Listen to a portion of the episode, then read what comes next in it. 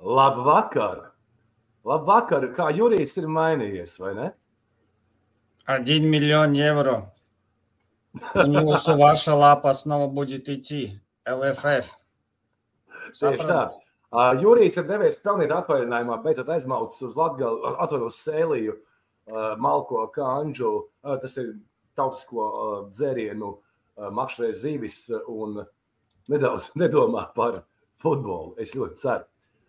Jā, tad šo, šovakar mums pārmaiņas pēc ir cilvēks, kurš parasti ir skadra. Tas ir mūsu mīļais Aivariņš, kurš ir Valmieras hudijā, saules brillēs. Un viņš varētu būt tas cilvēks, kurš ir atbildīgs par to, ka iestājās zināms bardaks Latvijas futbolā. Jo nezināmi hakeri, visticamāk, no Krievijas paralizēja uz brīdi gan arī Latvijas futbola vidi. Jo LFF mājaslapa bija nokārusies un nebija kādas, man liekas, trīs dienas.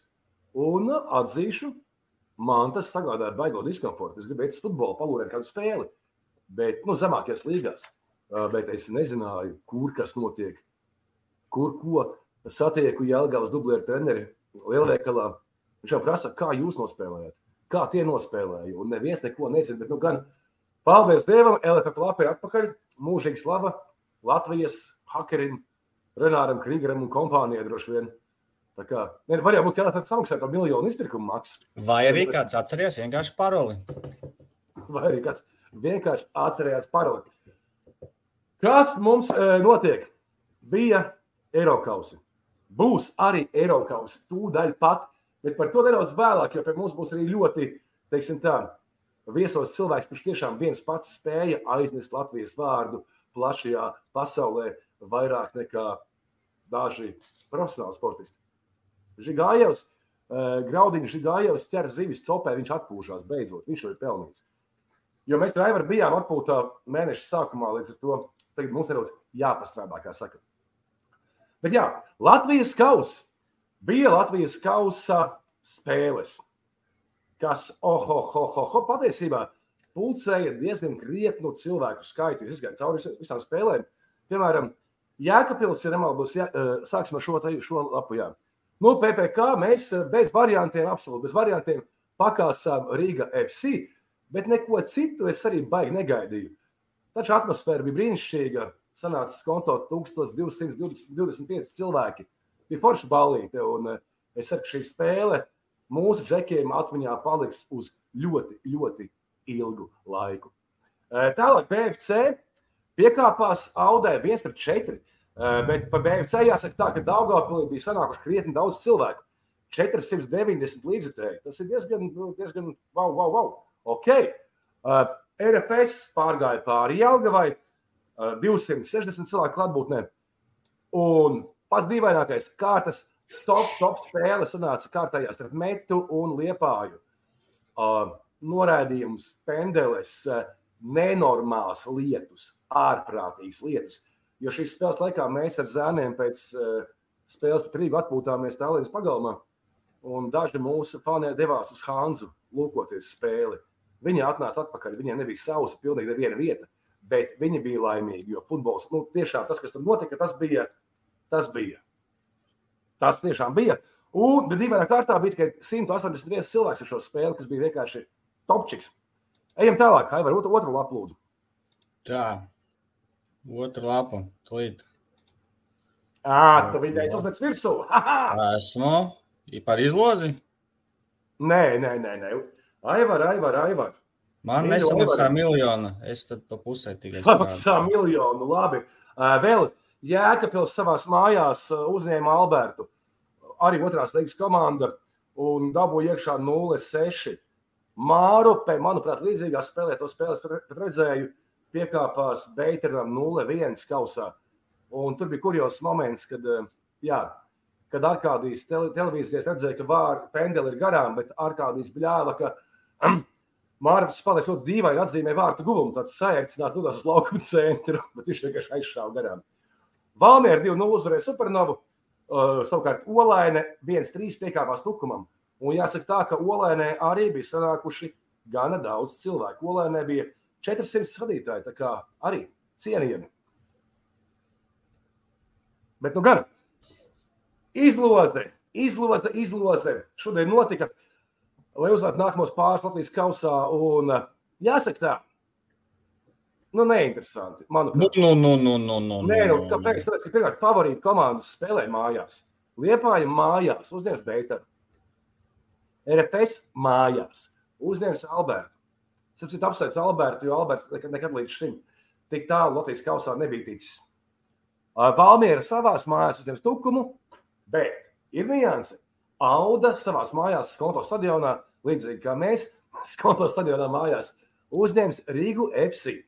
Es jau dzirdēju dažādas teorijas, kā saka, Paulīts Epurs jau runāja tādus tekstus, ka Rīga tāpat čempions, Rīga tāpat tiks uz Eiropas kausiem, varbūt mm, ļaus Audai uzvarēt un tā, tā, bet es domāju, tas viss ir tukšas runas māņa un bullshit. Es, es, es, es vēlos. ā, Auda pret Rīga FC. Es, es par Audu un Riga FC vēlos nokomentēt uh, savu prognozi uzreiz. Nu, nu. Man liekas, ka Auda paņems Riga FC, jo es nesen tieši spēlēju. Nu, mana komanda spēlēja pret uh, Riga FC, un nekas tur tāds nav. Tikai 24 sitieni bija uz mūsu vārtiem, no kuriem tikai laikam 11 uh, vārtu rāmī. Tā kā viss izredzes zaudēja normāli. Tur būs varianti. Bet par kausa spēli, Klau, Aivar, kā, nu, kādas tev sajūtas? Man bija, tas man bija episks notikums reāls konto stadionā, kad tu ieej no tās ģērbtuvē, izēj ārā uz laukumu pirmo, nu, pirms spēles. Bija tāds, apīgi. Kā tev? Nu, man pēc spēles laikam vairāk tās emocijas, jo spēles laikā bija tas visu laiku bizīts, ka tur nu, jādomā par tādām praktiskām lietām, tur, kur kas kaut kas jāiznes, jāpienes, jās, jās, jāsaštēlē, un tikai pēc spēles jau tu vari to sagramot to, to visu, kas tas bija vispār. Un, uh, Krūtākais moments, tomēr, man šķiet, ir, nu, priekš manis bija, kad rezultāts tur ir 0-3, 0-4, 0-5, un, un fani tikai turpina tur močīt. Un es, jā, man tas bija pārsteigums, jo, jo man likās, tomēr, ja rezultāts būs liels, nu, pirms spēles, nu, tad vienā brīdī panīks viss, bet nepanīka, un rītīgs respekts jums, fani, visi, kas tagad skatās, un jūs bijāt vienkārši fantastiski. E, wow, jā, jā, jā. Par šiem domiem šodien gan eh, Aivaram mēs lūdzām uzrakstīt eh, paskaidrojumu Futbola federācijai. Tā kā redzēs, manuprāt, Aivar ļoti jēdzīgi un labi uzrakstīja, bet tad jau manīs, kas un kā būs. Jūs ir pirmais, ka atnāca Jurijam uz e-pastu no lūgums no federācijas tā kā paskaidrot situāciju, kāpēc bija dūmi un kāpēc tur tā cilvēks apmaldījās laukumā. Kāpēc izgāja kas par kāpēc dubri bija laukumā, jā. Un, un mēs tā Aivar rakstu paskaidrojumu. Es nedaudz gribu pieķerties, nevis pieķerties, bet iepauzēt uz foršajiem, manuprāt, virsrakstiem. Šeit bija FK Rīga. Šis man ļoti patīkās, bet kā laikam Valdis Kalns skaidroja, ka krieviski tu nevar nekādīgi to FC atreferēt, kas te vēl bija. Brīnumi nenotiek. Rīga Latvijas kausā pārspēja Žigaiva vadīto. Te bonus, ka Žigājus ar īso A. Respekt. Rīgas futbols Latvijas kausa astoņdaļfinālā uzvar futbolu, un šeit, kas ir forši komunas, PPC komandu, komunas, tieši tā mēs esam komuna, mēs esam lieli, dižini, vareni. Tā, kas te vēl bija, kas te vēl bija, kaut kur bija forši. Ā, o, PPC Linga plīst jau otrajā minūtē, nevis pirmajā, kas ir svarīgi, pret Jālgo bija pirmajā. Bagātnieki apspēlē alus dzērāju. Manuprāt, ļoti jauks virsraksts. Madaram drusku likās nievājoši, bet nā, Nē, man patīk ļoti labi. nice, nice, nice. Ah, paga, bija vēl viens, bija vēl viens foršs līdās par to. Ah, šis laikam. PPC pret Karamba. Jā. Rīga varbūt arī kaut kā vienalga. Dažos portālos viņi vēl aizvien ir karamba. Uh, vēl to spēles nedaudz palūrēju, paskatījos to translāciju, pēc tam ierakstām mazliet sākumu. Un uh, man ļoti, es sarēcos tajā brīdī, kad uh, es izdzirdēju frāzi, ah, mēs bijām stadionā, mēs ielādām pi- pirmajā minūtē golu vai otrajā, un man nervi neturēja izgāja ārā, tā kā pie stadiona telefonā skatījos spēli. Un uh, ārkārtīgi ir teksts, Čingulis pret Mankendā, un tad es sāku smieties. Tas nelikās diezgan loģiski. Ok. Uh, kas bijis, bijis super pieredze, kapitāli. Paldies Krišam Upeniekam un Andrejam no Rīgas FC par organizāciju kopējo. Jo... Līmenis top, jā. Forši, forši, forši Paldies, vīri. Un, nu jā, pa PPK beigsim būt runāt. Visas mūsu nākamās spēles svētdien trijos Liepā, jā, Olimpijas stadionā pret Liepāju divi komandu, jā. Kāpēc kas svarīgi, visi, kas būs prāta vētra, prāta vētras biļetēm, ir bez maksas mūsu spēlēm. Jā. Es ceru, ka es okay. nesamodējos. Uh, ķeramies tālāk. Ejam tālāk, vai ne? Varbūt, varbūt pirms ginta vēl, pirms ginta. Uh, informācija rītā Valmierā, Daliņas stadionā, 18.00. Valmiera uzņems Čempionu līgas spēlē Ļuļņos Olimpiju. Pirmā spēle bija nu, ar izteiktu Olimpijas pārsvaru, bet tomēr Valmiera savu goliņu iesita. Tikai divi vietas piekāpās, varianti vēl ir. Un par biļešu cenām. Biļešu cenas Valmierā vispār ir 10 eiro. Tikai bija biļete 20 eiro, un vēl par 30 eiro var dabūt viesmīlības zonai papildus aprots. Tā kā tu vari ielikt mēst un dzert nu, par, par to, ko tu esi samaksājis. Taču ir soldauts. Valmierā futbolu mīlu arī Rīgā mīlu Valmieras futbolu. Jūs arī braukšu uz Valmieru un uh, biļetes vispār dodas. Tā kā es sorry, iet... skatāmies, te, skatāmies televīzijā. Es pat ieteiktu paplašināt tās uh, biļešu rindas ar, uh, kā ir taču tas skrejceliņš. Man liekas, tur mierīgi var katrs skrejceliņš kā viena rinda. Visi ieguvēji būs. Nu, ar, ar saviem puciem nāk vēstulīgi, kā makšķernieki. Ja? Apkārt sasēžās. Viņi pēc dāliņa, tas pauts priedēs, vai kā viņas sauc, varētu tirgot kaut kādus Nu, Kāds varētu kokā uzkāpt, tā kā bija līdzekļs sēdes? Nebija tā, ka Covid Ai, laikā zina policisti tur tie, kas bija žoga, bet tas bija Covid, tāpēc, jā, tagad jau nedzīs, vai dzīs kādam ir? Es domāju, ka nedzīs. Nice. Un es Jānim Ligatam, Valmieras preses cilvēkam jautāju, kas būtu līdzekļiem, kuram jau ir biļetes. Eh, Jāsaka par spēli, uz ko viņš atbildēja, ka nekas savādāk kā uz citu maču, tikai jāsēž savās vietās. Tajās, kā, kādas ir rakstītas. Un ar autostāvvietām varētu būt problēmas, ja pēdējā brīdī iebrauc. Līdz ar to meklēt pa sānielām var paiet krietnes laiks un uh, var aizkavēties. Uh, diemžēl pilnu stadionu Valmēra līdz šim vēl nav piedzīvojusi. Un tas būs milzīgs pārbaudījums viņiem, kas organizē šo spēli. Bet no visām vajadzētu būt čiki puki. Un svarīgi zināt, tiešām svarīgi. Slovēņu valodā lupata ir krpa. krpa kripā. Tā kā maz nav. Bet, nu, gan, ah, vēl pieminēšu mazu faktu. Latvijas sieviešu izlase pat divreiz pēc kārtas spēlēja pret Azerbaidžānu. Abas spēles beidzās viens pret vienu, un abās spēlēs vienīgos vārtus guva Miksone. Bet, nu, gan, slēdzam klāt RFS cilvēku, RFS speciālistu. Uh, nu, Gintu, nu, Gintu. RFS Padā. cilvēks, Gints. Čau, Gint. Čau, čau. novērts. Tu, tu, biji, tu esi laikam tiešām uh, pat RFS sociālajos tīklos ierakstīja uh, mīts, leģenda Gins Jankovskis. Pats, pats mēģināja nokļūt tur, no kurienes viss raujās projām. Jā, tā sanāk, bet uh, droši vien, ka man arī tādi vairāk šķēršļi bija tikai tāpēc, lai es tur nenokļūtu, bet uh, beigās viss bija kārtībā. Man patika īstenībā. Es tajā savā no, nosacītajā vlogā jau arī teicu, centrs jau ir ļoti skaists, bet izējai no centra tad gan ir sākas diezgan interesants stāsts. Bet tu brauci kā viens. Nu, es diez vai laikam, es neesmu tā rakstura cilvēks, lai es viens pats spērtos kaut kur tā kā, nu, viens pats brauktu kaut kur atbalstīt kultos uz kaut kādu uh, negluži caurumu, bet uz tādu pilsētu un, un uh, tā, tālieri. Kā tev šī ideja? Tu mēģināji kaut kādu variantu, varbūt ar čomiem kaut kādiem vai kompānijām, vēl, vēl kāds no fanu kluba, kas ir plašs. Reku, reku, sieva tikko bija sirsniņas ielikusi. Ir jāsaka vēl viens fakts, ko es nekur īstenībā neesmu publicējis. Es par to klusēju. Es īstenībā aizlidoju kāzu jubilejā. Uh, 12. jūlijā. un sanāca tā, ka mēs grib, plānojām pašā sākumā braukt kopā, lidot divatā, bet vienā brīdī cenas nomainījās kosmosu. Nu, tur bija tā, ka Tur Google Flights sekoja tam cenu izmaiņām, kad Dienepstā nāca um, Es sāku ar 290 eiro un beigās jau tur bija 600 pāri.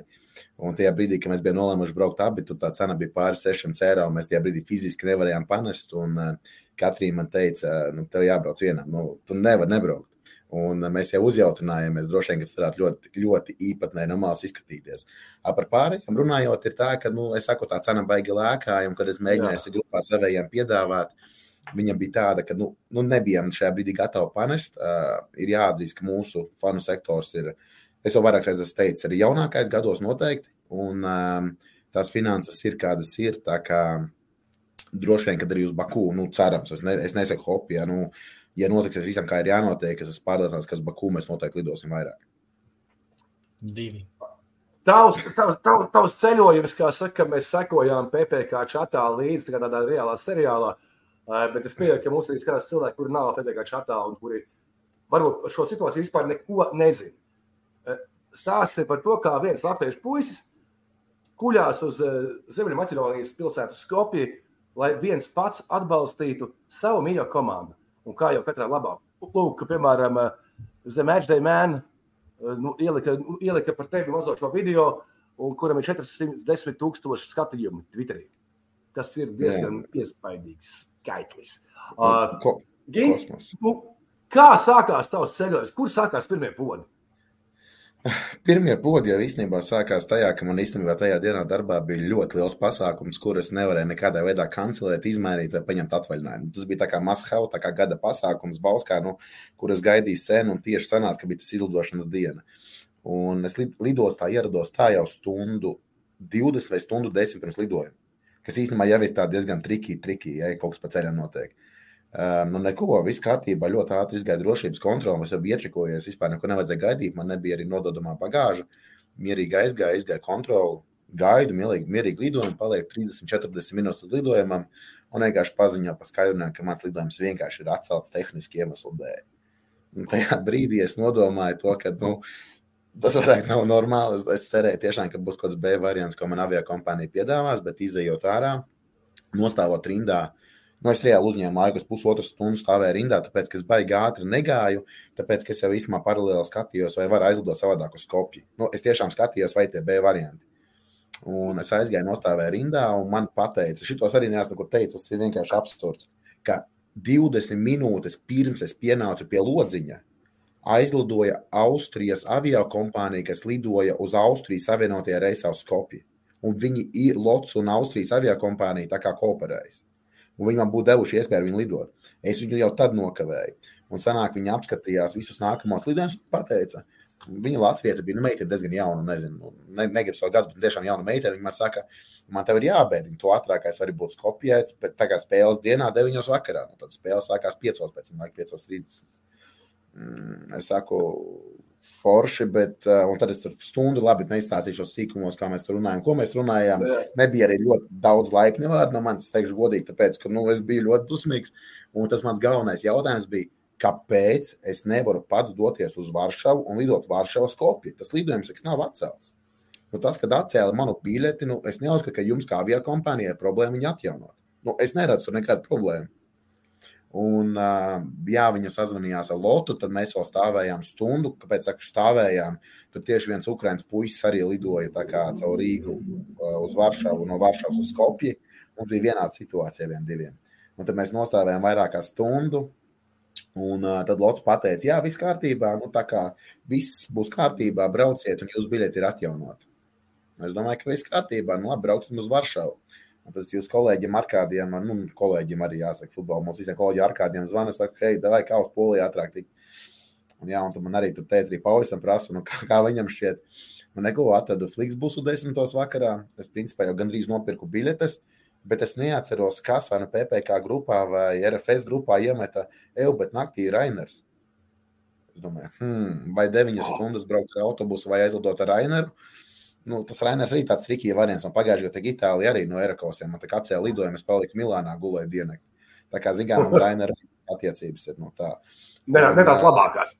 Nu, jā, un tāpēc, zināmā mērā, nu, labi, es kā noblokēju ar Rainēru, domāju, Dievs ar to, nu, labi, brauksim ar to.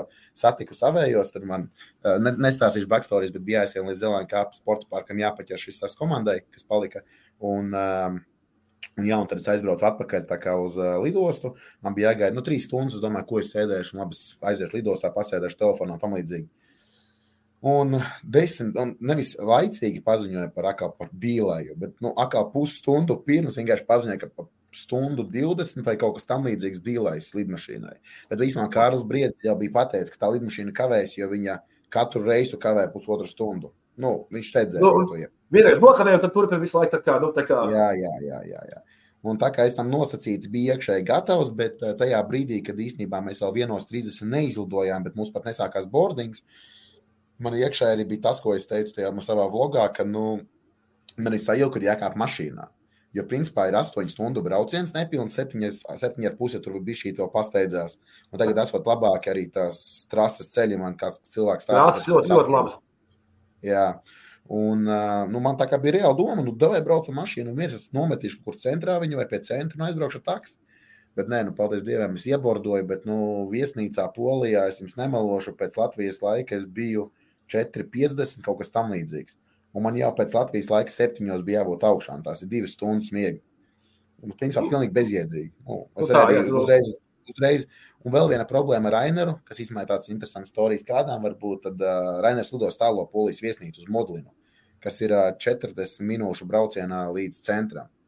Un tad es tur iepazinos uh, lidmašīnā ar Ukrainietu, Norvēģiju un vēl ko dārzemnieku. Uh, un mēs sametāmies kopīgi taksim, tad nesanāca tik dārgi uz cilvēku. Es cilvēku beigās izmantoju dārgāk, es skatījos, izmā, tur samalojos, logā bija 9 eiro, bet labi, tas strums, bet nu, 9 eiro, 9 eiro, arī mazāk nekā 40 kaut kādi. Un jā, nu, pamodos no rīta, īstenībā aizbraucu uz Varšavas lidostu, un es tiešām kā tāds, kā lai pasaka, nu, reāls, es gribu pateikt, stulbenis, vienkārši domāju, ka viss būs kārtībā. Nu, tiešām, nu, iešu. Nu, kā, nu, viss ir noticis tā kā, vai ne? Nu, vai ne? Kas, nu, kas, kas vēl, nu, ķipa, nu, whatever, kas vēl var notikt? Es, vēl, es speciāli vēl aizēju pie Lotte Čaļa, pastāstīju savu situāciju, vai derīgi ir tā pati biļete, vai man tomēr vajag pastāvēt pie check-in rindā un iedos man jaunu biļeti. Viņš saka, nē, nē, viss ir kārtībā, mums pat rekur ir informācija par jūsu to visu stāstu. Labi, es eju iekšā, noskanēju, tiek caur drošības kontrolē, viss kārtībā. Nogaidu, tur gan nebija dīlē, viss bija super laikā, viss, nu, laikam bija laikā, laikam. Jā, bija laikā, viss kārtībā. Un, uh, Būs perfekti. Jā. Paldies, Holandieši. Un uh, sanāk tā, ka uh, sāku bordoties un parāda to, ka nav tādas biļetes. Viņas neeksistē. Un man lūdzu pagaidīt malā, un tā, tad tur bija divas sievietes, kas pārbaudīja biļetes. Viena pagāja malā par āciju runāja. Un viņi runāja poliski, nu, it kā nu, krieviski, kaut kādus dažus vārdus. Bet tu jūti, ka kaut kas tur tā kā.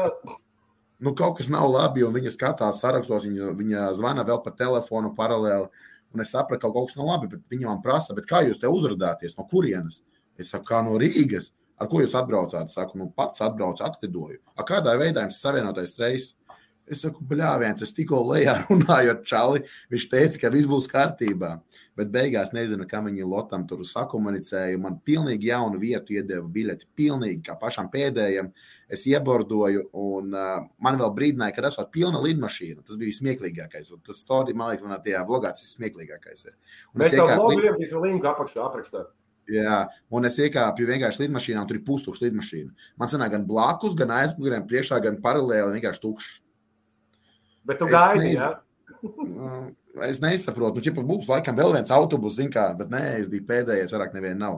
Nu jā, nosēdos Skopjē, nu tur gan viss bija kārtībā, līdz tam tur nekāda vispār problēma nav. Un, uh, es biju sarunājis iepriekšā transferu, tāpēc, ka nu, Maķedonija gadās ar tiem takšiem interesanti. Dažkārt man arī gadījās, un es, es, es Maķedonijā varu ātri paskatīties uz priekšu, vienkārši paņēmu, iemetu eiro un vienkārši izkāpu ārā, tāpēc, ka man prasīja 50 eiro par vienu kilometru. Nu, like, Nu. Mēs neesam unikāli kādreiz. Klau, bet Skopjē, teiksim, tu bija kaut kāds futbola vibes, nezinu, nu, kaut kāds jūt, kad spēle, kaut kā vispār nekas, vai ne? Vispār, vispār klusums. Es pat nezināju, ka tāds futbols ir arī, pieņemsim, es zināju to, ka tajā dienā spēlē uz lielajā stadionā vakarā pēc mūsu spēles tieši kaut kas. Man pat pateica, jā, tur tas stadions ir. Neviena reklāma, publikācija, neko vispār neredzēja pilsētā, vispār ne par vienu spēli. Un, kas bija interesantākais, tad mēs spēlējām, principā, nu, tajā viņa nacionālajā, laikam, izlases bāzē, vai kā viņš skaitās, vai U bāzē, nezinu. Es jau teicu, uz, uz spēlētājiem arī uz vietas, un Paulim, nu, kad, manuprāt, nu, ja, Pauls man to pats teica, ja var spēlēt tādā bāzē, nu, tad LNK sporta parks tad ir yep. jau gatavs uzņemt nākamās kārtas noteikti. Nu, Reāli, jā. Nu, tas Un, video izskatījās, tas stadioniņš tāds, nu, tāds. nu, Es, es, ies, es parādīšu to video. Nu, vienu no.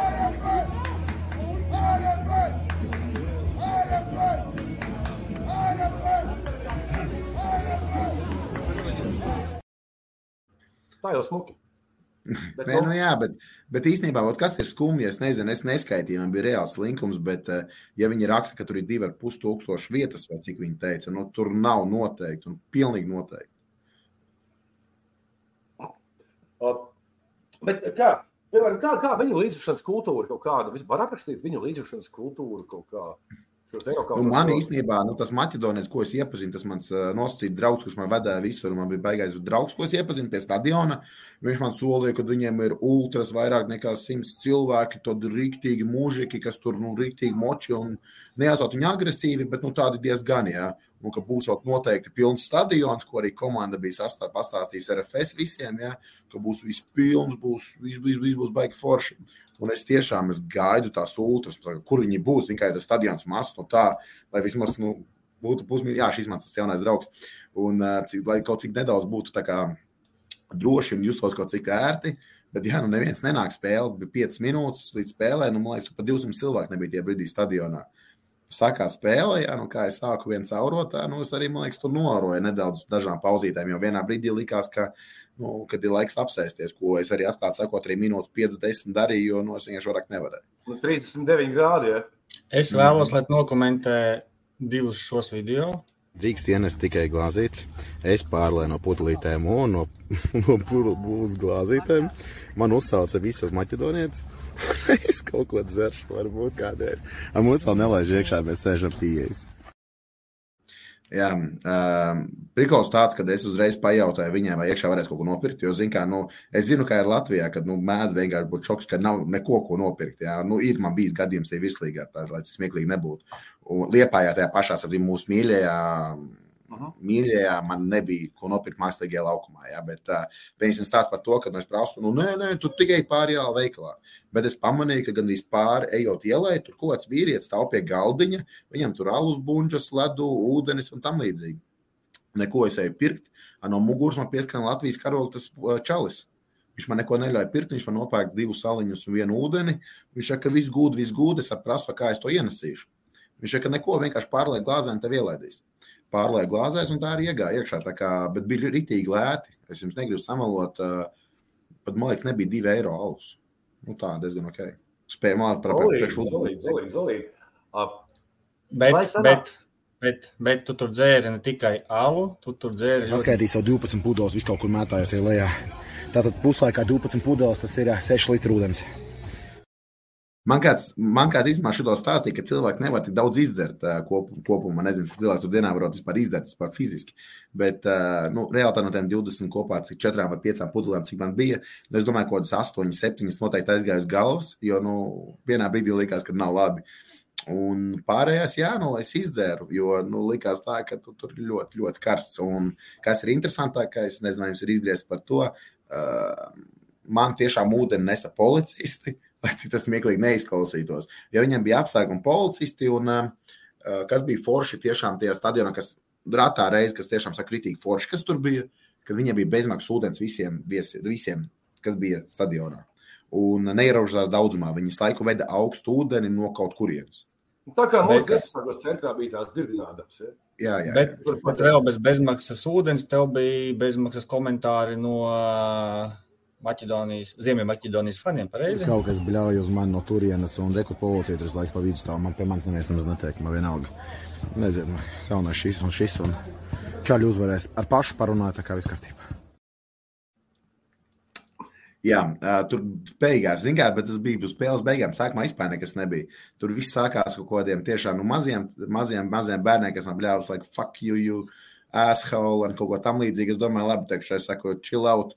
Uh, un pēc tam, ko tur normāli beči sāka tuvāk nāk un tuvāk nāk, bet uh, vienā brīdī viņus policija aizvāc uz tālāk projām. Tā kā, tur, tur bija tiešām tie policisti, kas bija kā spēles laikā, viņi tiešām bija ļoti safe. Nu, tā kā spēles laikā. Bet pēc spēles nu, viņi bija pilnībā čilā. Es savā vlogā stāstīju, ka es vienkārši pa zonu viens vazājos, un uh, es gāju, kur es gribēju. Man vispār neviens neko neteica. Es varu ir ģērbtuvēs, ja es gribēju. Nu, jebkur visiem bija vienalga.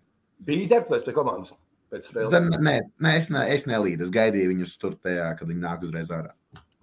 Uh, vēl viena lieta, kā, kā, piemēram, kāda. Labi, tu, tu biji, tu, tu fanoji, te, tu aizties to Latvijas, Latvijas vārdu dižajā pasaulē. Uh, un pārējais, bet paredzēto laukumā. Tu, ko tu esi cilvēks, kas redzējis, man liekas, ir neskaita varbūt uh, treneru kolektīvu, ja, un varbūt Pauļu. Tikpat kā visas RFS spēles, un tu zini, no ko, no, ko no viņiem sagaidīt. Kā, uh, kā tad komentēt to sniegumu laukumā? Jo rezultāts bija 1-0. Jā, zinu, kā es īstenībā uzreiz, kad redzēju spēles stilu, sapratu to, ka nu, man, tas ir mans opinions. Tas nav tas, ko es zinu no, kā, no komandas. Jā, nu, vismaz man izskatījās, ka mūsu mērķis bija rotēt vai neizšķirt, vai iesaistīt vienus, varbūt divus vārdus, lēnām, nu, mierīgi spēlējot. Jo es, es īstenībā RFS redzēju, tiešām pirmo reizi spēlējot tik lēni. Mēs tiešām vispār, nu, tā kā kontrolējām bumbu, mierīgi uzsākām uzbrukumus. Un īstenībā to arī pēc tam varēja redzēt pēc tam Edmunda Patreonā, kad viņš bija ielicis to, kā analizēt RFS spēli. Mm, īsumā tās manas domas arī sakrita, ja, kad ļoti lēni, lēnīgi, vispārēji. Un, ja neskaitos divus sitienus pa mūsu vārtiem, es tiešām neatceros nu, neko ļoti bīstamu uz mūsu vārtiem. Un, ja Sedriks 80, kurā tur 88, 87 būtu ielicis vārtos nevis pa štangu, nu, tad domāju, ka 2-0 atbraucot uz jūrmālu, viņiem tur nu, nu, nebūtu izdarījuši nekādu. Vārds pieminēja jūrmālu, bet vērojot to, to Skopjas stadionu un domājot par to pašu kā sporta parku, domāju, Vēlas jāspēlē jūrmalā, vai ne? Viņi pēc sevis var spēlēt, mums jūrmalā jāspēlē. Da, es, es par šito īstenībā, es par šito īstenībā domāju, bet, zin, kā um, runājot čaļiem, mums īstenībā jūrmāla kaut kā vienmēr ir bijusi tāda, nu, izklausies dīvaini, bet tiešām diezgan mīļa vieta. Arī pēc tam, kad mēs braucām pret jūrmālu Spartaku, jo tur blakus jūra, tur blakus mēs vienmēr aizējām uz beidžu, uzspēlējām pašu futbolu un tam līdzīgi aizējām uz jūru un tā. Un, Nezinu, cerams, ka nākamgad, aiznākamgad, nu, cerams, jau nākamgad, bet nu, mazas cerības droši vien ar diviem gadiem, tad varēsim jau pie mums mājās spēlēt. Es tam citu kaut ko par ņērgālu traumu. Es dzirdēju, kā viņam tur izstāsta. Um, godīgi nezināšu, arī neredzēju viņu Jelgavā, bet uh, nezinu, grūti komentēt, bet nu, neizskatījās labi. Es teikšu, godīgi arī pēc tam pēc spēles baigi kliboja. Okay. Bet ar to tā piecienu nebeidzās. Ja, protams, spēle, viens superfutbola turisms, skaisti. Tev bija jādegrī atpakaļ. Un, ja tev liekas, ka viss, viss aizgāja gludi, ne gluži. Nē, galīgi negluži. Un, jā, jāsaka, nu labi, viss bija kārtībā pašā pilsētā. Tur tiešām arī atpūdziņā, tur ok, tur visi bāri, visi, visi kafejnīcas. Pamēģināja pilnīgi ko netradicionālu. Tur kaut kādā rīktīgā desmit. Ievārījumi, ja? Jā, jā, nu, bija diezgan, īstenībā, ok. Nu, es, ne, es Latvijā negatavotu noteikti to, bet uh, var pamēģināt vienreiz, varbūt dzīvē. Ja, bet, uh, par ko man tiešām, mērā, vēl piebilst par pilsētu, par ko tiešām man bija ļoti visu laiku liels stress. Man bija sajūta, ka es tiešām staigāju pa milzīgu latgalīti, nu tā kā realitātē, ja, bet ar pievienoto vērtību, ka tu visu laiku man bija tā saucamā, nezinu, mazā pleca somiņa, kuras liku visu maku naudu vispārējo, un vēl mugursoma. Nu, es, es ik pa desmit sekundēm atskatījos uz visām pusēm realitātē. Nu, tiešām. Tāpēc, ka nu, nebija ļoti, kā lai pasakā, komfortabli. Tev arī ļoti, viņi nevis tā kā lai pasakā, cilvēki nevis arī iet garām, nu, tā kā cilvēcīgi garām, bet nu, ļoti tuvu, kas var likties tā, nu, negluži ļoti forši. Tas laikam ir iekāpt tavā, tavā privātajā zonā. Ja?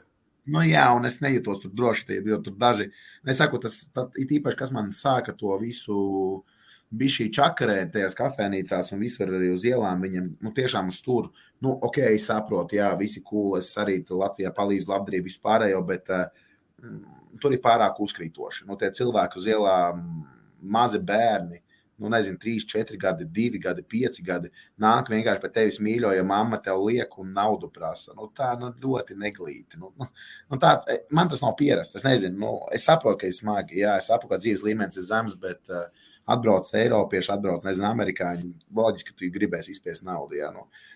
Uz mani atkal kaut kas divreiz nostrādāja, bet nu, es pēc 10, 20 reizes sapratu, to, ka nu, nu, piet, piet, pietiek. Jā. Bet mm. par māju ceļu runājot, jā, no, no viesnīcas devos atkal to pašu transferu, tāpēc, ka man tiešām patika. Un jau, nu, nosacīti, zin, kā tur tie takši nav tie jaunākie. Un, uh, rati, kuram ir kondicionieris, tad es izvēlējos nelielu tādu, nu, lai ir ok, ar kondicionieru tam līdzīgi un uh, normālu servisu, ka to sagaida, un tu zini, ka viņš tiešām būs. Aizbraucu uz lidostu, domāju, ka tiešām viss ir kārtībā. Es tiešām biju laimīgs, es jau, jau noskanēju biļeti, aizgāju, apsēdos kopijas. Uh, Skopjas lidostā, paņēma apēst Burger King, jo viņš bija diezgan ok, diezgan lēts tur. Un, jā, un gaidīja savu lidmašīnu. Nu, sākās bordošanās. Un, un starp citu, atkal, man liekas, es savā kopā to visu stāstu. Atkal iebordojos kā trešais. es pirmo reizi mēģināju, un atkal kā trešais. Es nezinu, kāpēc man tā sanāca. Un vienkārši parāda, ka šādas vietas vienkārši nu, nav. Kad ir jau problēmas. Un man vienkārši palūdza apstāties malā un visi iegāja iekšā, un es atkal kā pēdējais. Bet šoreiz nebija tik traki. Tur esot bijusi problēma ar manas biļetes uh, atjaunināšanu, un cik es tagad beig, beigās Latvijā atbraucot, nomierinoties un palasot un saprotot to sistēmu, kā tas strādā, un pajautot arī tiem uh, uh, cilvēkiem, kas ir iekšā avio kompānijās un tam līdzīgi, viņi atjaunojot biļeti, man Latvijā neiedeva jauno. Un sanāk no brīža Latvijā, kad man atcēla pirmo reisu, man vilkās cauri nepareizā biļete. Bet tu visu izbraukāji. Jā, un es visu izbraukāju. Man brīžiem sāk likties, varbūt tā var braukt uz jebkurieni. Klāgi, un, bet eh, jā. varbūt daudz, nu, varbūt daudz domā, kaut kā varētu aptuveni. Varam, cik tev izmaksāja šis brauciens, ceļojums, lai redzētu šo savas komandas vienu spēli Skopjē? Nē, es reāli skaitīju. Nu, Zinu, kā es pateikšu, godīgi, uh, kur es biju pārsēdis. Es tiešām daudz ceļoju no RFS. Pagājušajā gadā vispār neatceros, jo nu, vairāk nevar saskaitīt, mēs bijām ceļojuši. Ja? Uh, nu, Polija palgus nereāli dārgi. Es nesaprotu. Es agrāk bolti bija dārgi, viesnīcas lika uh, lēti, un uh, viesnīcas bija reāli lētas. Es nevarēju atpakaļ ceļā dabūt lētāku viesnīcu par 50 eiro. Nu, nevarēju. Un kopā man sanāca ar visām ēdienām. Es runāju par visiem fast foodiem, visām izklaidēm, visu, visu, visu. Mm. Es iztērēju 700 eiro. Ok. Normāls, e, eksotiskais ceļojums. bet, zin, kā, bet, un tu biji atpakaļ Rīgā, un ko tu darīji? Tu devies uz kausu spēli Jālgavā, vai ne? Pagaidiet, pagaidiet. Es sākumā devos uz svarīgāko notikumu tajā dienā. Es biju uz PPC spēli otro puslaiku. Ah, jā, te uzņēmām ar ovācijām tribīnēs, jau bija tā leģenda ieradies tribīnēs. Ja? Pat taisnība no, no, no turienes. Uh, Viņam bija jautājums tāds, es skatījos no spēli, uh, Jāga RFS, un no RFS faniem bija tāds sauklis pērkonu, pērkonu. Ko jūs ar to bijat domājuši? Es nākot uh, garām, tā kā sektoram redzēju, ka Dervins pērkons sēž tribīnēs. Un, uh, Un, un, un, un, un, un viņš sēdēja, nu, nebija ļoti tuvu mums, bet nu, diezgan tuvu mums. Ah. Un tajā brīdī sanāca, es nelienu tajās īsos iekšā, bet es nu, esmu Ervīna pusē. Man tiešām neinteresē viņa iekšējās lietas, of course, bet vienkārši man nepatīk, kā Jālgava spēja mainīties uh, mēnešu laikā. Man tiešām bija liela perspektīva un liels redzējums, ko Jālgava šogad izdarīt. Un noteikti nav viņu vieta, kur viņiem ir šobrīd ar jauniem ceļiem vispārējo. Jo Un tajā brīdī Pēlāns dabūja dzelteno kartīti mūsu odlaukumā ļoti rupji nospēlēja pret Vilkovu. Ļoti rupji. Un uh, sanāca Ap, tā, ka... Es domāju, ka vecais Pēlāns. Es teiktu, kā tas sakrāt atpakaļ. Nē, nē, nē, nē. Viņa dēls. Un, jā, viņš man rupji nospēlēja pret Pēlānu. Mūsu spēks smadzenes. Jā, jā, un viņš pret Vilkovu un tā diezgan tā nesmuki iebrauca vārdsargam, tā, nu, tā nesmuki. Un, un jā, mēs uzbļāvām pērkonu, pērkons, un es pēc tam Ervīnu satiku. Un, uh, parunājām, tā kā viss kārtībā. Rīt, e, tas jau, jau parīt slokā spēle, šī atbildes spēle pret Makedoniju, Skopjas Makedoniju. RP, RPS pret tur, diemžēl, jā, šajā spēlē biļetes vēl nav izpirktas. Ja Valmērā ir pilnīgs soldauts, uz šo spēli biļetes vēl var dabūt. 7,20 eiro. Centi. Ļoti laba cena. Tas ir eiro 20 komisija. Tā kā 6 reāli. eiro principā plus komisija. Un spēles deva 10 eiro. Ah. Tā kā, ja. ja vienīgi Pauļus lūdzu nodot cilvēkiem tādu vēsti, ka nāciet lūdzu spēli laicīgi, jo, mm. nu, tur Bet vietas nav numurētas. Es tikko iegāju lapā un skatos, ka tas ir viņš trīs metru random biļeti. Tas ir interesanti. Tur nebūs. Jā, un vēl būs viena lieta. daudz, Nebūs, Un vēl viena ļoti svarīga lieta bez mugursomām. Jā. Bet kas par tā mug- kā- kas mugursomā? Jo bija jautājums arī Twitterī, kas jautāja Pauļam, "A, kāpēc nevaram mugursomā? UFA, tas, tas nav mūsu pusē. Ah. Tas ir, tas ir Vispār UFA. Un, un stāsts ir par to, ka mums arī pat um, konferences līdz grupu turnīrā ārvalstīs bija problēmas ienest pat karogus ar somām. Bet tur pateicoties Konstantīnam, tur viss tika saskaņots. Jā, bet uh, tur esmu. Es nezinu, kāpēc. Tas, man liekas, tas palielina pirmkārt to procesu biļušu. Nu, kad tu vajag cilvēku, to katram jāpārbauda. Pārmeklēt to somu. mugursomu tev un Jā. Kaut ko var ienest, varbūt. Ne jau visu apēnēs sabāzīsim. Mhm. Starp, starp citu, ne jau viss sapanēs. Jā. Eh, Starp citu, arī ir labas atlaides RFS Makedonijas spēli. Skatos, ka līdz 8 gadiem, ieskaitot bērniem, ir bez maksas. Un eh, no 9 līdz 18 gadiem, kā arī pensionāriem un cilvēkiem ar, ar inva- invaliditāti, ir 50% atlaide. Un kas nav bijušas lokus, stadions tiešām ir ļoti foršs. Tur ir ļoti laba redzamība, un uh, visi, kas nav bijuši, mēs iesakām. Spēles sākums 18.30 darba dienā, bet eh, viens iemesls tam ir tas, ka tas lokā vēl aizvien nav mākslīgais apgaismojums. Es, es, es, es biju mācījies pubertātē, pumpas spieda vēl, man liekas, tajā laikā jau solīja, ka tūlīt būs, tūlīt būvēs, tūlīt jau viss jau būs, būs. Vēl aizvien nekā nav. tur. Es zinu, kā ir vēl arī pieņemts, ja runājot par to visu, nav, nav gaisma tam līdzīgi. Mēs arī sev iekšā runājam loģiski. Nu, faniem ir tīpaši, mums ir tīpaši aktīviem serveriem, kas strādā. Nu, ļoti grūti, ja darbs beidzas 5.35 Rīgā, kamēr tu tiec līdz slokā, ja tu no mašīnas. Nu, uz spēli tu paspēji līdz ar nagu galiem, bet nu, tas ir pats pēdējais laiks, kad tu vari sākt spēlēt. Tur, diemžēl. Nu, ar vilcienu. Kaspars Orbidāts jautā, uh, varbūt tu zini, cik beņķu atvēlēs maķedoniešiem. Nebūs tā, ka Es, esmu, būs es zinu, kā es pēc, tā, es pēc tā, ko es redzēju Maķedonijā, esmu pilnīgi pārliecināts, ka neviens nebūs. Es varu simtprocentīgi to tagad intervijā tiešā. Nu, es tiešām neticu. Nu, tur es neredzēju nevienu, jo nu, pēkšņi neparādīsies viņa jūtas stāsts, ko visi stāstīja, ka viņas ir. Kuras ir, bet neviens nav redzējis. ja. Bet īstenībā, kas ir interesanti, visu šo, lai es neaizmirstu pieminēt, šitie visās kreizīs stāstā, es laikam sajūtu to, cik Latvijā futbols varbūt vēl ir tā, tā, tā, bet cik šitādus notikumus, nu, labi, jūs ķerat loģiski, vēl ķer sportscenas bija ierakstījis tam līdzīgi, bet cik, cik šādus te uh, liels notikums, nu, liels, man, man tas bija liels notikums, citiem varbūt maziņš, uh, Sun lielais uh, Anglijas portāls, jā, man uzrakstīja uh, Twitterī un uh, lūdzu interviju.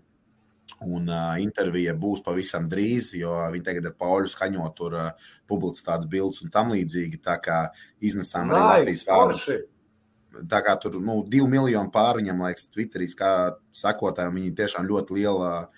Es zinu to, ka Liverpools fani man pauž to stāstu stāstīja, bet es neatstāstīšu, ka Liverpools fani var būt. Ah, ne Liverpools, bet Arkādis man teica, Arkādis, sorry, ka Liverpools fani mani heitos Latvijā. Tikai nezinu, kāpēc. Tur ap backstorijas kaut kāds ar tiem žurnālistiem tur ir. uh, Bet, bet, Sanu, bet, bet, jā.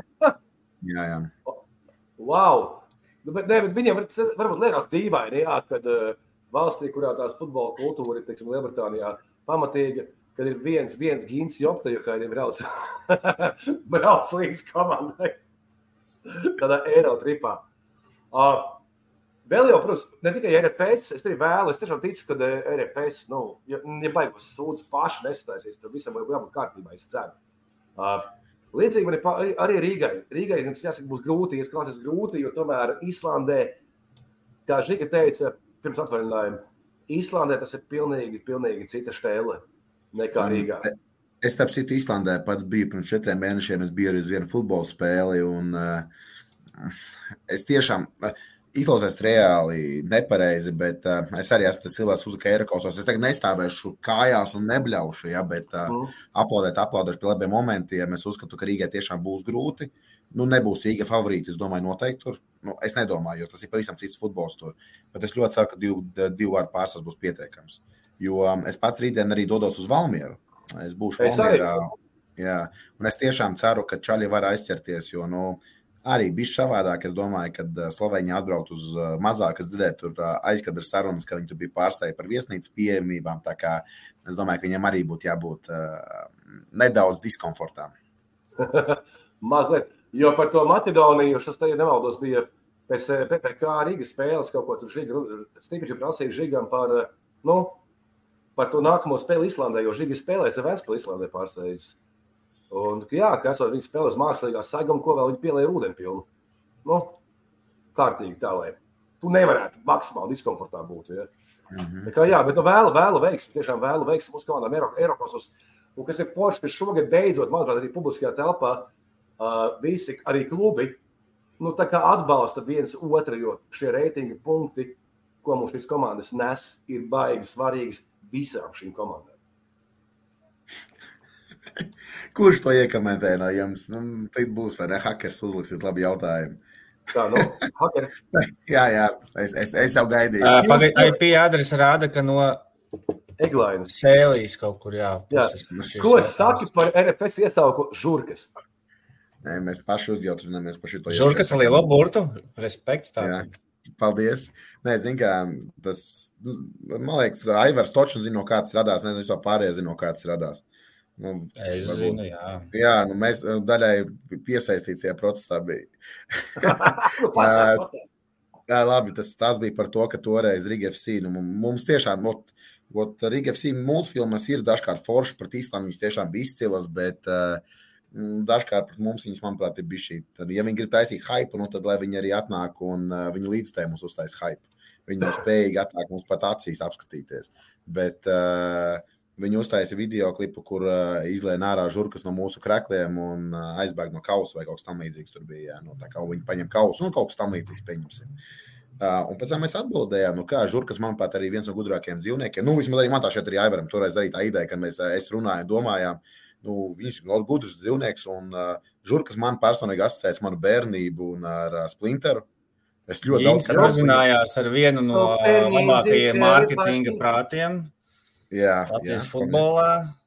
Un jā. tad uh, tas, tas cilvēks izdomāja, ka, jā, ka es sākumā gribēju, kur tas splinters sit par seju tam uh, bija, bija, bija, nu, tas rokstedi un tas tur divi tie tur ir, bet tad sapratu, ka labāk klauvai. Un tam līdzīgi. Un vispār, ja es būtu RFS kaut kāds uh, marketologs un uh, es, es žurku vispār tēmu ļoti attīstītu, man liekas, tas ir daudz foršāk par banālajām lauvām, kur katra trešā komanda, kas top, ir lauvas, neskapēc, jo Rīga un lauvas, cik oriģināli. Bet tā nepados stāsts, jā, man liekas, ka žurku var graciozi vispār pasniegt kā tādu, jā, asumu dzīvnieku, bet, bet nu, Jā, ne, jo, tur tā lieta, tā ideja, manuprāt, tas plinteru parādīja to vienkārši, kas arī saimnieks. Un īstenībā, kad mēs izlikām to baneru tajā reizē, mēs Rīgu kārtīgi, diezgan nu, ļoti nu, neviegli, bet nu, pārliecinoši uzvarējām. Tas bija toreiz ārkārtīgi. Covid, jā, Covid-19 laikā, kad mēs tur žoga bijām, un ka mēs tur rītīgi paironu atzinājām un tam līdzīgi. Tā kā un Paulis to atbildēja. Jā, Pat, Paulis Sakels, kas ir, kas ir marketologs, uh, RFS viestā marketologiem, pats tu esi banāls lauva Barādava kungs. Pauļus neizmantoja labu potenciālu uzrakstīt bara banāls. Tā es teiktu, bara banāls. No, nu, Reikoteiks, Kaspars VS raksta. Uh, Pagaidām, stop, te, te hakeri atkal no labi izlasīt šo te Nezinu, kā jūs un Gīns, bet es kā RFS fans to iesaukt ciest nevaru uztvert to kā apvainojumu. Tad jau mm. mērķis sasniegs, ne? Nu, no. tā. Pagaidā, kur bija uh, Eglēnas hakeris kaut ko tādu uzlauzis PPC kontu un raksta. Lauvas sūkā. AB. Ar kādīs birjuks. Neskapēc pārakstās ar kādī birjuku. Būs neklabs jautājums Kasparam. Man, man gribās atbildēt. Bija gan. Šis te, jā. Aivar, tu liec, tu liec, Aivar. Es, es nelieku. Tā, kuru uzlikt? Kaspars organizēja 50. Tur nebija tik grubaks ar dināriešiem. Bija gan, ne, nu bija gan, bet nu, tur mēļotāji, nezinu. Mm, nekomentēšu, bet bija. Uh, Lietuvā mēs esam teikt baranas. Ai, varas baranas. Nice. Labi. Ja. Bet īstenībā varbūt tas ir. Ah, Leonards, jā, droši aiziet. Jā, Leonards Traļāns raksta, uh, Gīna, kurš to PPK sāpes visvairāk patiks spēlēt pret Rīgā? Jūs man uzjautrinājāt ar vienu sauklu, un jāgrā man arī tas bija uh, diezgan smieklīgi. Mēs, mēs diezgan daudz to arī uzsmējām. Mēs diezgan daudz bijām īstenībā PPC spēli. Uh, labi, tas bija joks, loģiski, neuztram to kā nopietni. Lai izētu, neturpināšu. Nevis aiziet, bet lai. Oh, jā. lai es neturpināšu. Lai iznāk Rīgā, ja? Nē, lai iziet, kā lai iziet. Ak. Ok. Tik maziņi jau skamaitāti. Vēl viens hakeris no Eglājas puses ierakstījis ir Mausat, kas savas man karūsa pī. Nu jā, šī gājas makšķerē pašlaik. Bet skatās, bet skatās tomēr. Ja? Bet, Tā. ja, ja kāds grib uz sloku braukt un arī varbūt atbalstīt, tad var griezties pie manis, kā saita bija iemesta, kuru pieteikties.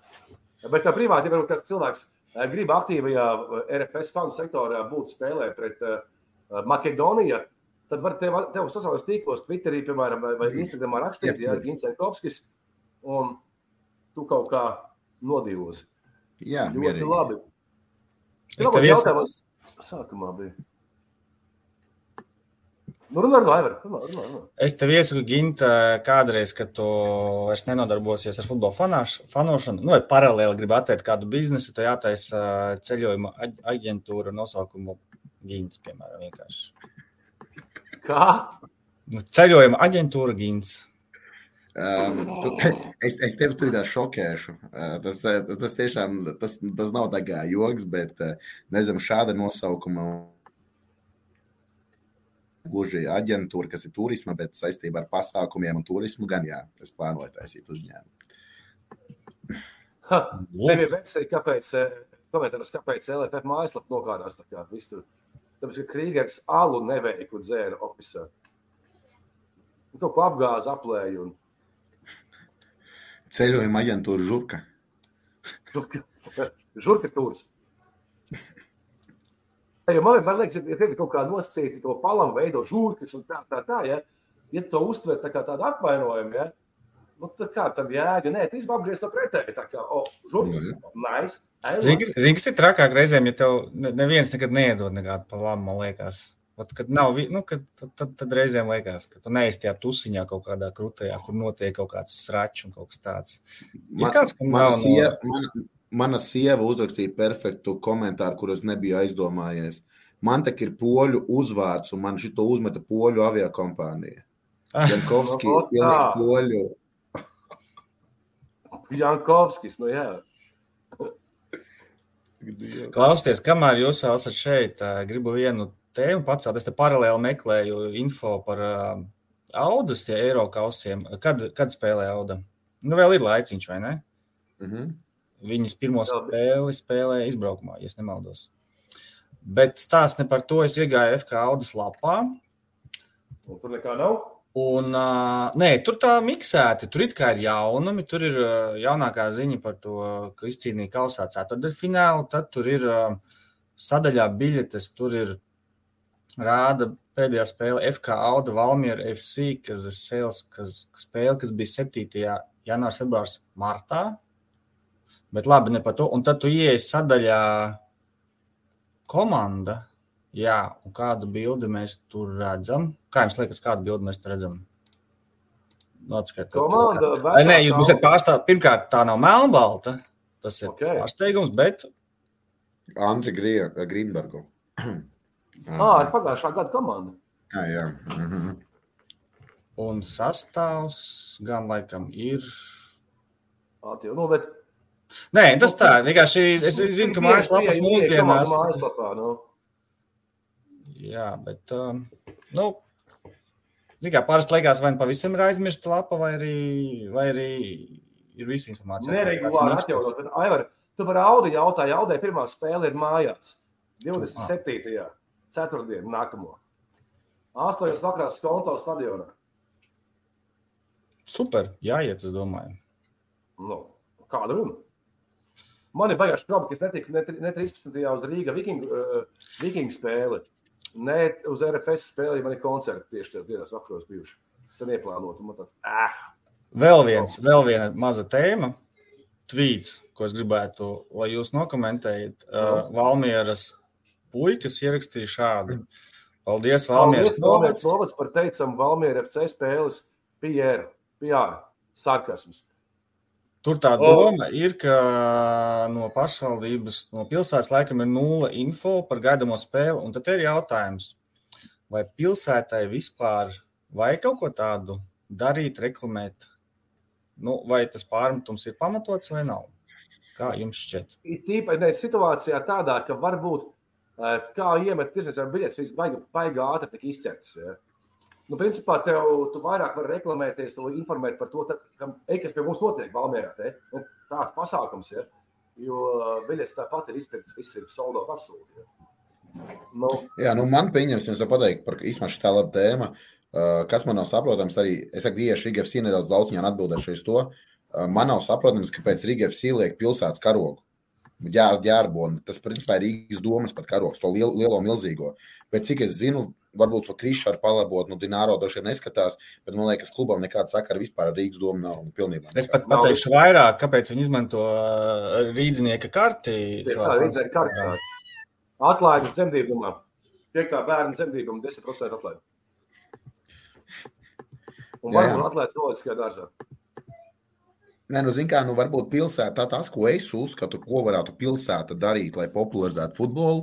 Es uzskatu, ka kaut kādiem uh, tieši pilsētas, teiksim, šīm reklāmas vietām, nu, viņi varētu izvietot kādreiz šādu lielāku Eiropas tīpaši. Ja? Tas, man liekas, būtu tīri ok. Bet vai to vajag darīt tā kā ikdienā? Es domāju, ka nē. Nu, tomēr, ja tas ir tavs privātais bizness, man liekas, lai gan pozitīvs jau arī ir privātais bizness.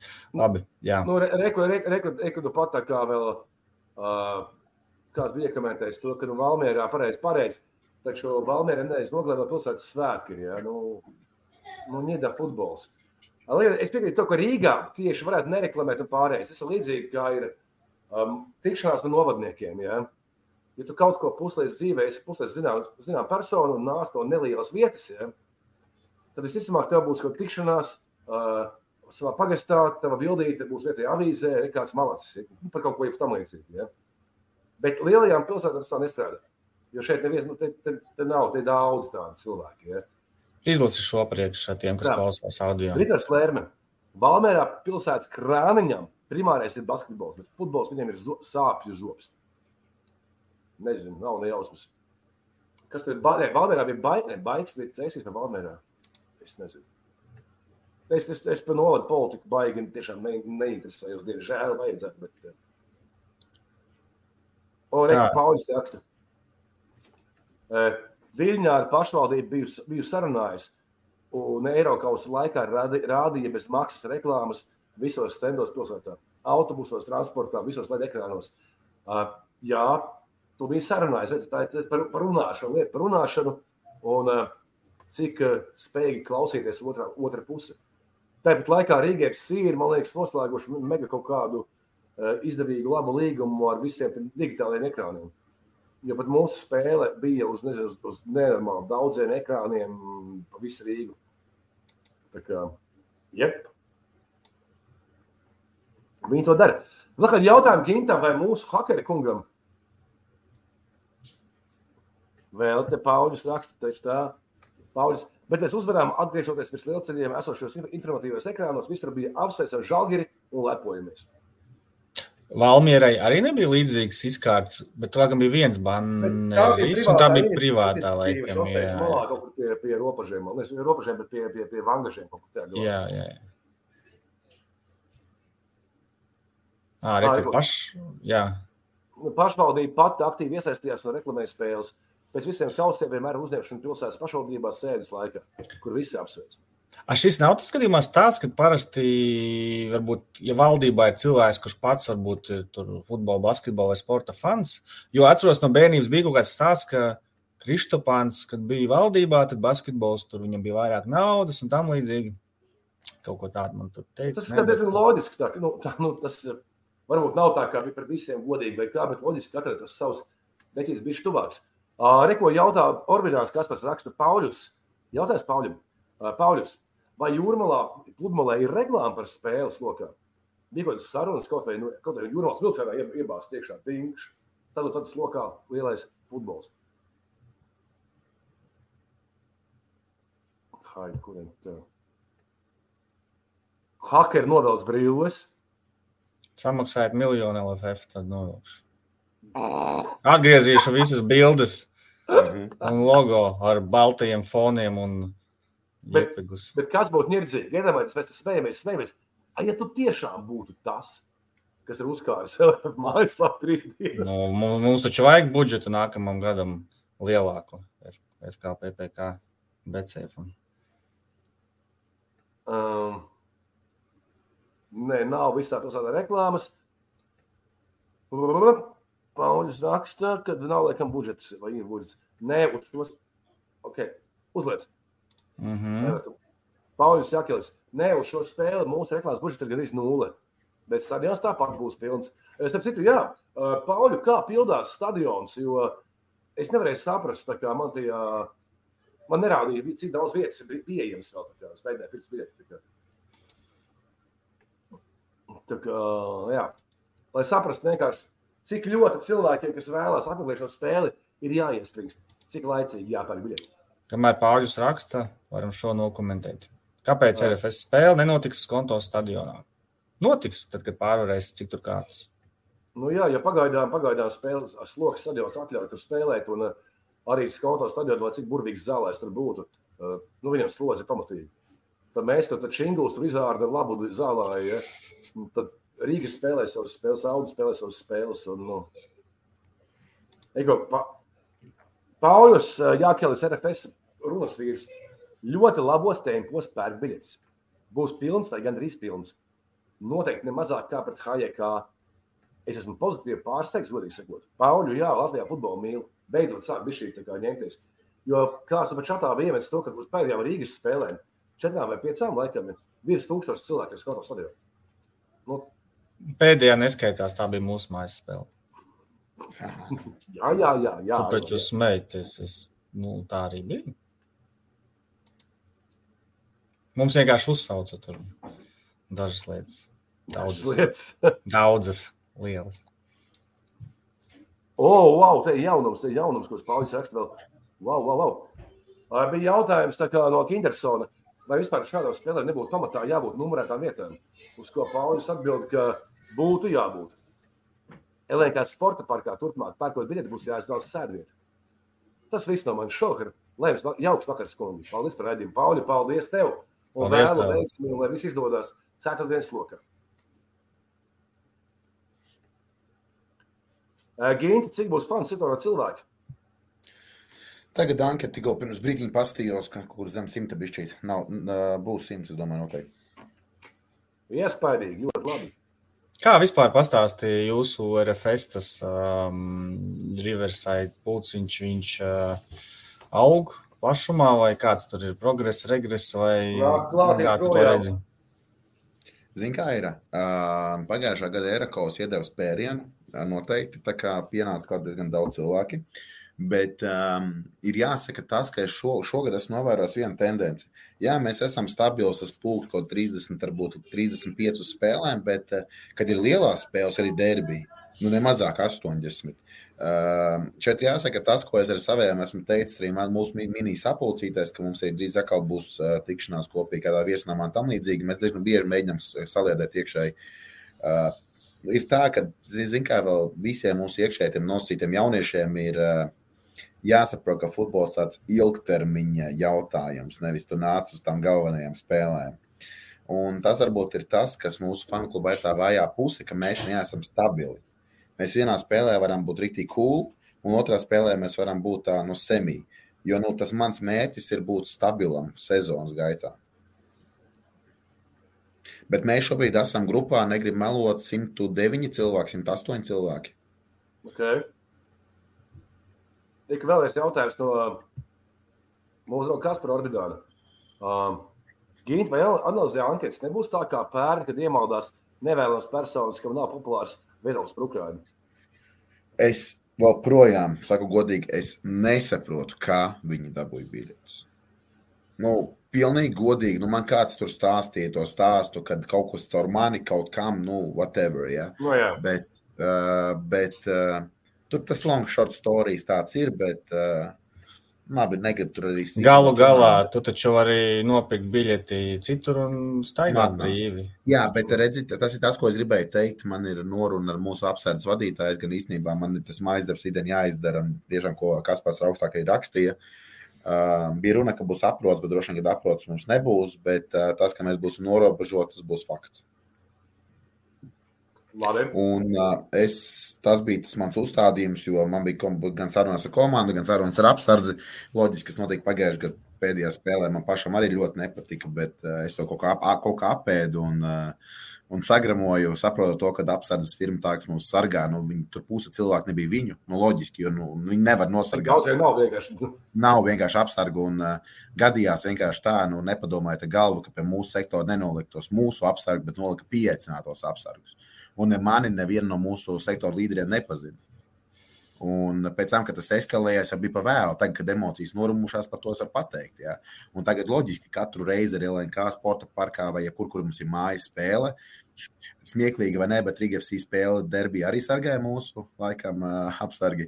Tad pie mums ir tikai vienīgi tā, ka mums zināmi apsargi, kas zina mūsu un nu, zina, kurā brīdī kā, nu, būtu jāsāk klausīties. Tā, kas vēl te pie jautājuma ir? Ah, kurš iekasē naudu par biļetēm Rīga vai PPK? Nu, mēs šo naudu novirzījām Rīga FC, tomēr, jo viņiem ir izdevuma ātrā palīdzība, stadions, apsargi, jo vispār es maksāju naudu un nemaz. Uh, Prigožiņa Huilo, tātad tā kaut kas te vēl bija. Sakiet, Gint, kādas jums attiecības ir ar ar citām kursos draudzīgās Latvijas fanu organizācijas kaut kādas? Labs jautājums. Nezinu, kā. Nu, um, skatoties uz PPC grupu, nevar būt tā nevar šķist, ka mums labas attiecības ar liepainiekiem ir. Ja? Nu, tā normāls Come varbūt. Nē, bet uh, nu, mēs arī vienmēr, tieši beidz, mēs liepājā vienmēr esam tikušies uz spēlēm, dažkārt arī pēc spēlēm. Tā kā laikam es ļoti ne- nebūšu populārs un uh, tā varētu būt liepāja, kur, manuprāt, mums ir ok attiecības fanu ziņā noteikti. Un, uh, Nezinu, nu, loģiski, to, ko es vienkārši nevis neieredzu, man tiešām ir, nu, es vienkārši saprotu, ka viņi dara nepareizi un ka viņi neiet pareizā virzienā. Protams, pateikšu, ka Rīga, kuras es vienkārši negribu redzēt, jā, nu, ne redzēt, ne dzirdēt, jo, nu, nu man liekas, ka viņi nē, tas ir grūti. Viņiem ir bungas. Daudz bungas. Nē, zinu, kā mēs arī, man kaut kas jautāja, ka Čoza, kāpēc mēs esam paņēmuši bungas, bet es pateikšu godīgi, tāpēc, ka man ir šobrīd ļoti grūti, ka mums jāk jaunie cilvēki iekšā ir nereāli grūti. Nu, nereāli grūti, es jūtu. Jā, es nevaru. Man nevis tāpēc nav jauda, man, es uzskatu, ka man ir jauda, bet tas, ka vienkārši es jūtu to atšķirību šobrīd, ka man vajag, bet tas, ko mēs darām, mēs nece, necenšamies viņus stipri. Mēs viņus sitām tā, lai mēs viņus dzirdam, bet bija viena spēle, atceros, ka PPC grupā man piespamoja, pēc tam telefonu paņēma 15 reizes, aizvācēja tās bungas. Nu, tā bija pirmā reize LNK parkā, un kāds bija pie mums mikrofona nolicis tieši priekšā, nezināja, kur mēs sēdējām. Nu, mēs to nevarējām iespējot. Es arī pēc tam uzrakstīju, sports centrs mums vairāk neliek vispār. Nu, viņš ir tā kā pretēji. Ja? Un tāpēc arī varbūt tas, tas ko es īstenībā pamanu, es neesmu ar komandu runājis, nezinu, ko vispār jārunā šajos jautājumos, kāpēc mūs, tieši mūsu mājas spēlēs nedzird tik skaļi. no mums mikrofons ir paņemts vienkārši projām. Jā, nu, Aivar, kādi jautājumi vēl? S- Jā, pēdējais, lai, lai No tevis kādā profesionālā futbola huligāna. Ja? jā, cerībā izsaukt, ā, lai viss nav, lai, lai netiek gins, lai glaudīts pa spēlē, bet sas, i- i- izraisīt uz viņu varbūt ugunsvētru. Ā, Sarindot top 5 tavuprāt, nu vai visus, kurus tur nosaukt, top ā, fanu kustības pēc supporta, nu virslīgā, jā. Kā tev šķiet maksimāli objektīvi? Maksimāli objektīvi, ok. Va, va, var arī Ā, paņemt arī kādu otrās līgas komandu vienu pēc random izvēles. Ok, let's go. Uh, tas iešaušu kājā, bet uh, nebaidos no savu viedokļa. Es atceros, ka pirms pusgada man arī bija intervija. Toreiz es biju kaut kur arī Eirotrijā. Ik Pēc, man liekas, pēc Fiorentinas arī jums, man liekas, runāja, ja nekļūdos. Nu, arī bija kaut kāda PPC, lai es kaut kad, neatceros, kurā brīdī. Uh, toreiz bija šis jautājums, es pateicu arī savos tekstos, ka meta šobrīd ir spēcīgākais. Uh, tas bija tā, kad es to pateicu pirms pusgada. Uh, bet, lai neap, neapvainojas šādi, viņi ir top, loģiski, viņi ir top, top, tā kā nu, tas, ko viņi dara. Bet, Uh, nu, manuprāt, izaugsme nav tik liela, kā viņa varētu būt viņu desmit gadu, ja nekļūdos. Es negribu samaloties uh, viņu pastāv, jā, pastāvēšanas. Nu, manuprāt, izaugsmē bija jābūt lielākai. Uh, tāpēc es viņus nenovietošu pirmajā vietā, bet atļaušos mūsu pabīdīt uz augšu, ielikt mūsu pirmajā vietā. Metu es nolikšu otrajā vietā, pilnīgi loģiski. Un trešajā vietā es ielikšu PPC, jau var nebeidz. Jā, var nebeidz, tāpēc, ka uh, jūs esat jauni, nosacīt jauni, un uh, trešā vieta. Un uh, ceturtajā vietā es ievietošu. Mm, es līdz sev iešaušu kājā, bet lai man piedod liepainē kaudu. Uh, Auda ļoti uh, čari tieks nāk. Viņi tiešām, manuprāt, taisa formu. Neliels stāsts, bet plaši repertuāri viņi. Jā, jā, jā. Un uh, tik tiešām, manuprāt, ļoti, ļoti, teiksim, pozitīvi. Jā, un uh, viņi maz, jā, bet tās viņu dziesmas vispārējais un piektajā vietā es ielikšu liepāju. Es ceru, ka es nevienu neaizmirstu īstenībā. Nu, tā, kas man liekas, mums varētu nav. Tiešām nevienu. Tiešām. Sāks Jā. uz D un beidzas uz Inārs. Nē, viņa ne? neaizmirst. Tur ir vēl diezgan tālu tiekties, lai tiktu vismaz top 10. ah, arī vēl viens jautājums, jautājums ieteikums. Kā, Jānis Dārguls. Pēc šī gada pirmā derbija izbraukumā nebija doma atriepties un mājas spēlē ielikt Rīgas fanus kaut kādā zonā, kur redzamība arī nebūtu pat labāka. Mm, Jā, Nē, tu neskaties derbiju. Uh, kas tur bija? Paga, uh, jūs nesapratīsiet, uh, labi, izstāstīšu. Tā tad uh, pirmie Rīgas derbija Meža parkā. Mums reāli ielikt tā kā tādā ah. dzīvnieku krātiņā. Un uh, es saku, godīgi, mums speciāli apsargi. Nu, es tiešām tas bija spēc, nu, nu, nebija tas nespeciāli. Un cilvēkus pielika mums tā kā bija šī uz priekšu, ka mēs neredzējām pusi laukumu vispār. Nu, for real, vispār neredzējām tā kā laukumu pusi. Un um, bez nekādas ironijas, bez nekā. Uh, LNK sporta parka tribīne pagarinājās ar mazu zilu tribīnīti pašā, pašā galā, kur bija Rīgas fani. Viņi nebija tribīnēs iekšā. Es atceros šo, un man liekas, tas vispār tās atsevišķās, ja tev ir normāls tribīnas un faniem kaut kur uh, paņemsim lentīti, norobežosim, ieliksim viņu tur, jo nezinu, kāpēc, jo viņi tā kā skaļi būs, un tad varbūt vispār nevajag dziesmas aizliegt.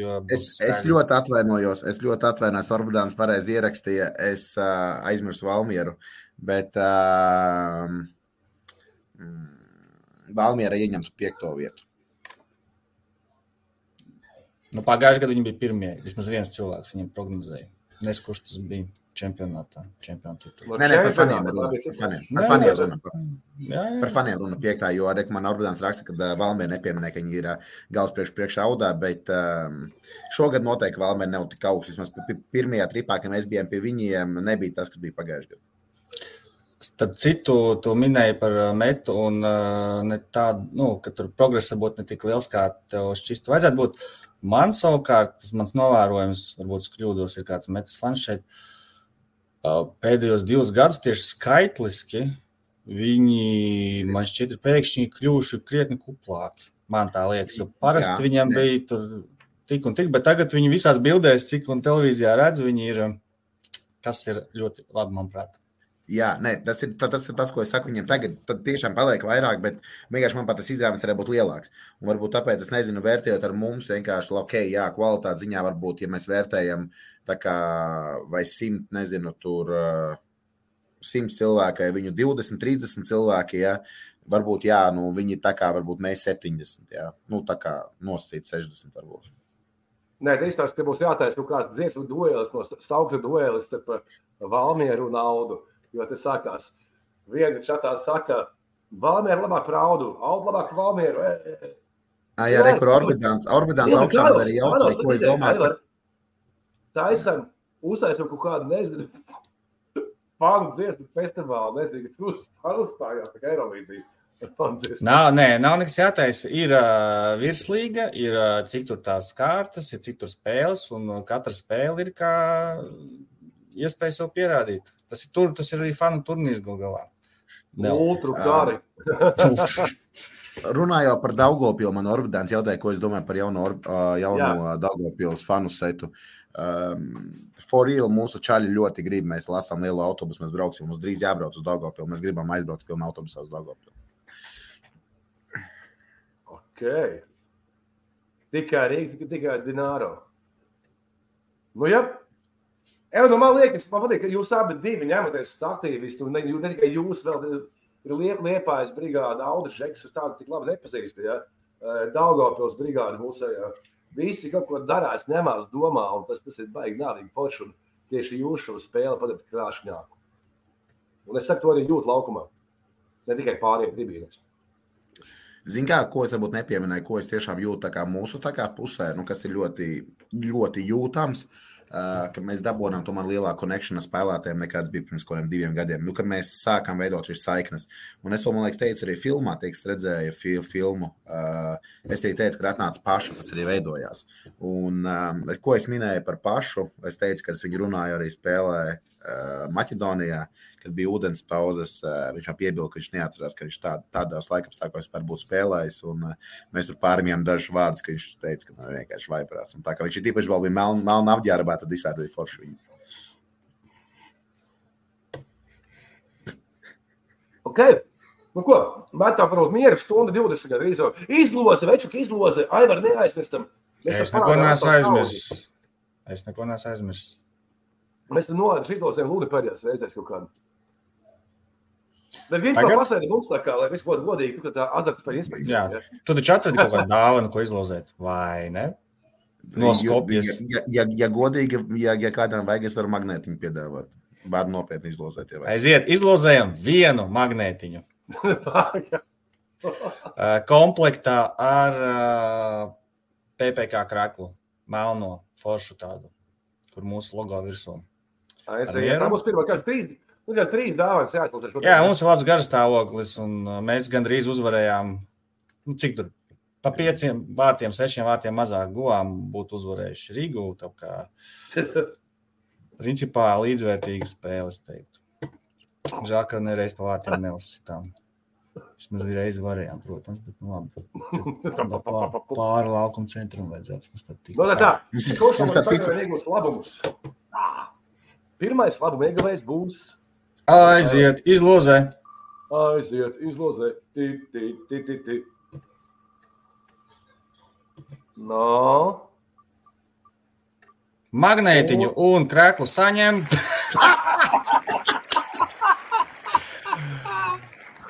Arkādijas birjuks. Nu labi, nu kas? Arkādijas nav cilvēks, vajag, vajag sezonu svaigu krēklu. Taču veci izmazgājās. Starp citu, smieklīgs tāds neliela atkāpe. Pirms cik tur, nezinu, pusgada Edmunds Novickis laimējis PPK krāklu. Un ik laika viņš man raksta, atgādinājumu saka, ui, jā, jā, kaut kad jāsatiekās kaut ko tur. Un šitajā te sēdienas spēlē bija tieši mērķa steins. Es stāvu, pienāk Edmunds ar dēlu, sasveicinamies. Uh, Un tā arī viņš aiziet prom, un tā es arī palieku ar krākliem, un vispār jau neiedevu viņam viņa krāklu. Labi, ko, ko, ko vēl lozēja? Aivar. Nu, varam. Ir mērķis pavēlnieks. Kepona ar PPK logo. Aiziet. Aiziet, izlozē. Aiziet, izlozē. Šis labs, labs, labs žīgls. Edmunds. Nu, neticu. Roberts J. Roberta, Ji, apsveicam. Būs tev dod ziņa par sevi, kas kur kā. Aivars sarunās, kā tu tiks pie mūsu kepona. Un ko trešo, ko izlozējam? Īpašā balva Alus Kalsiņš ar FKPPK logo. Aiziet, tas kaut kas jauns. PPK nebeidz pārsteigt. Ne tikai ar neizsistiem vārtiem pret Rīgu, bet arī ar Kalsiņiem. Dzird so, dzird to, baudīs alu no alus kausa ar FKPPK logo. Jau zini kā? Davai vēl kaut ko. Tu vēl kaut ko izlozēji. Vēl kaut ko. Mums ir tik labi jāpājam. Žigājat pie tā graužu mātes. Nē, ko jūs darat? Nē. Izlozējam to aizmugurējo banneri, kas ir ģintam. Es, es, īstenībā, es, es īstenībā, ja kādam tiešām vajag, um, man ir šis tas vēl no Maķedonijas, bet nē. Nebūs. Nu, labi, labi. Mums pašiem krājuma aizpējas. Aivara Vīsils piestiepās ar PPK mērķu, tā kā viņi netika vaļā no Tā. Ko? Ko? Tā, kas vēl ir? Futbola komunas uh, kraklu. Okay. Nu, kas ir tas pelēkais? Jā, aiziet pelēko kraklu iegūst. Tūlīt. Kas jāsaka pirms griešanas? Aiziet. Ziet, Iz- izlozē, Aiziet, izlozē. izlozē. Paldies mūsu draugiem DCFam, Pasportiksam, Aivaram, Jurijam. Talum, Gintam. O, o Valdim Č. Valdi Č. Arī tu iegūsti mūsu pelēko futbola komandas pāris kausiem. Krēklu dod ziņu Es ļoti ceru, ka tas ir Valdis Ču no RFS fanu kluba, jo mums ir Valdis Ču fanu klubā. Ja. Jau nu forši, nu. Eiku, hakers dāvāns izdalīs. Uh, baudām ceturtdien spēlē vakarā arī Rīgā FC. Krīgai, kur ir mans miljons? Tā kā būs inšīgi. Un 21. datumā jau atsākās atkal virslīga. Tā kā nekas jau nebeidzas. Viena putni aizlaižas. Viena priekškars aizveras, viena saule riet. Paldies, ka esat mums kopā. Un varbūt tiekamies ar kaut kā ar liepājas cilvēkiem stadionā. FKV PK pret liepāju divi. Stadions Olimpija trīs dienā svētdien. Paldies, Gint! Un lai mums visiem veicas! Paldies! čau. Čau!